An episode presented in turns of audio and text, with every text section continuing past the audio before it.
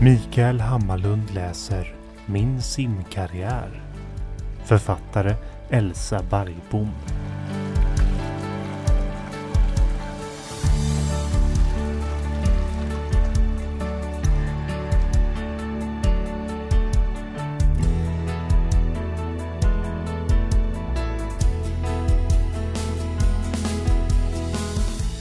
Kiruna där jag växte upp började jag i en vanlig simgrupp.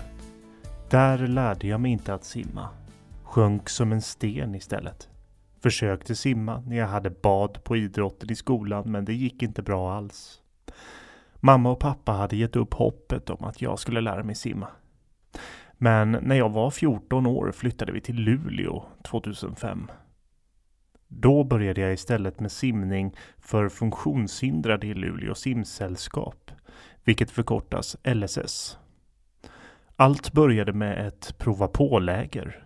På lägret fick jag hjälp av en jätteengagerad tränare. Hon höll i mig från början. Det första hon lärde mig var att flyta på vattenytan. Sen hjälpte hon mig att styra mina armar och ben. Mitt första simsätt som hon lärde mig, det var ryggsim. Jag trivdes bra på lägret och ville därför fortsätta simma. Började då i en simgrupp en dag i veckan. Simgrupperna var indelade efter ålder och funktionshinder. I början på 2006 började jag tävla klubbtävlingar. Ryggsim var mitt favoritsimsätt. Tävlade alltid i detta. Ibland fick jag simma tillsammans med personer utan funktionshinder för att slippa simma ensam i bassängen. Då gjordes det skillnad vid prisutdelningen istället. Till exempel att jag fick en guldmedalj för att jag var ensam som funktionshindrad. Publiken hejade på alla, men speciellt på mig när alla andra hade kommit i mål. Hösten 2007 började jag på Riksgymnasiet i Umeå. Där fick jag börja träna med idrottsföreningen IKSU. Detta innebar nya tränare och nya klubbkamrater. Den gruppen var på en helt annan, bättre nivå. Deras tränare satte alltså högre krav även på mig. Där fick jag öka upp träningen till två dagar i veckan. Fick därefter åka på större tävlingar. I simhallen där jag tränade i Umeå var brädorna i taket på diagonalen, vilket gjorde att jag inte kunde simma rakt ryggsim eftersom att jag styrde efter taket. Simmade aldrig någonsin rakt på hela tiden som jag simmade i den simhallen.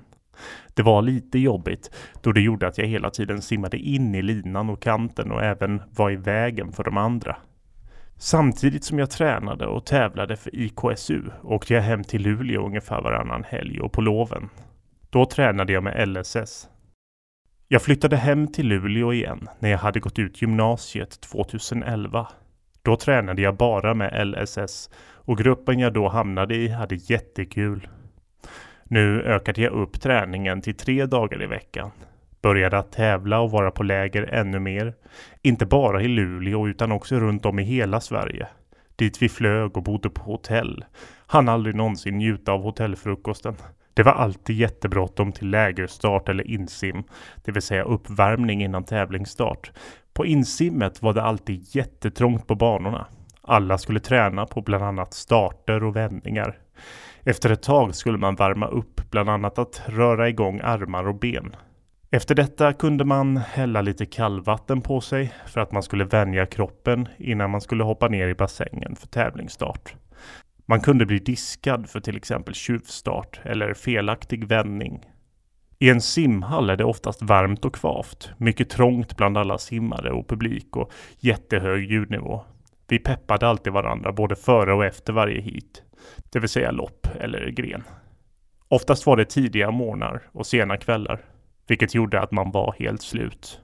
Men det var jätteroligt på samma gång. Vi åt luncher och middagar, oftast på restaurang. Hösten 2014 när jag var 24 år gick det som allra bäst. Vi var på en tävling, Paragames i Stockholm på Eriksdalsbadet. Jag lyckades slå mitt personbästa med 16 sekunder på 50 meter ryggsim. De eh, tyckte att jag simmade jättebra och jag blev då uttagen till utvecklingsteamet, alltså B-landslaget.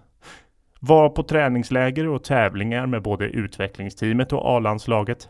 Detta innebar nya tränare och kamrater även där. Deras träningsläger blev tuffare och tuffare för alla. På träningslägren hade vi både träning på land och i vattnet. I vattnet var vi indelade i grupper beroende på vilken klassning man hade.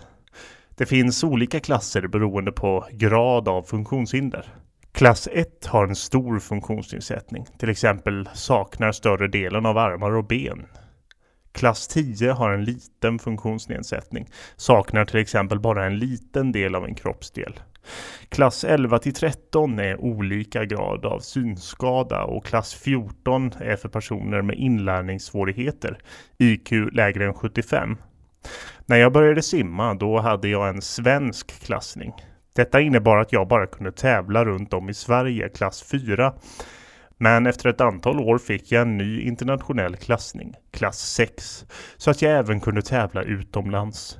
Det här innebar dock att jag fick mycket tuffare motstånd och gjorde sämre resultat.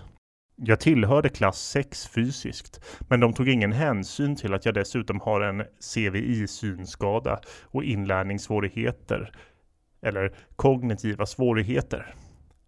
Tränarna hade lagt upp ett särskilt program till mig eftersom jag inte var på samma nivå som alla andra. De ville därför också visa mig i vattnet hur jag skulle göra, men det tyckte jag inte alls om. Det var väldigt jobbigt. Men jag blev långsamt bättre och bättre. På land kunde vi göra till exempel övningar på en matta, exempelvis sit-ups. Alla på lägret hade jätteroligt tillsammans på kvällarna, till exempel spelade vi kort. Två andra som också satt i manuell rullstol lärde mig att köra rullstol utan stödhjul. Nu skulle jag aldrig vilja sätta tillbaka stödhjulen igen. Vi var bland annat på Nordiska mästerskapen för parasimning i Bergen i Norge. Det var jättespännande och häftigt att få följa med just dit. Vi simmade bland annat något som kallas för lagkapp. Det innebär att man är fyra stycken i laget och simmar. Först simmar en person iväg. När den har kommit i mål simmar nästa iväg. Vi vann! Det som var lite speciellt med Bergen var att man var blöt både inomhus och utomhus för att det regnade så mycket. I Bergen bodde vi på ett fint hotell, men på många läger bodde vi på vandrarhem och i gympasalar. Jag kommer också ihåg när vi var på SM i Sundsvall i maj 2016. Det var på ett utomhusbad.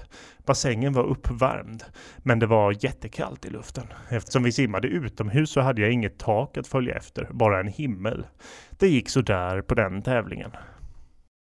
När jag var 26 år 2016 bestämde jag mig för att sluta tävla. Dels på grund av att det inte var lika roligt när det blev sämre resultat i klass 6, men också på grund av att eh, jag började utveckla klorallergi. Jag fortsatte ändå att träna simning ett tag till.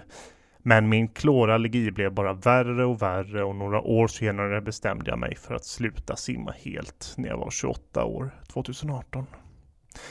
Ibland kan jag sakna simningen jättemycket. Det var inte bara en bra träningsform för mig. Den gav mig också mycket gemenskap och glädje.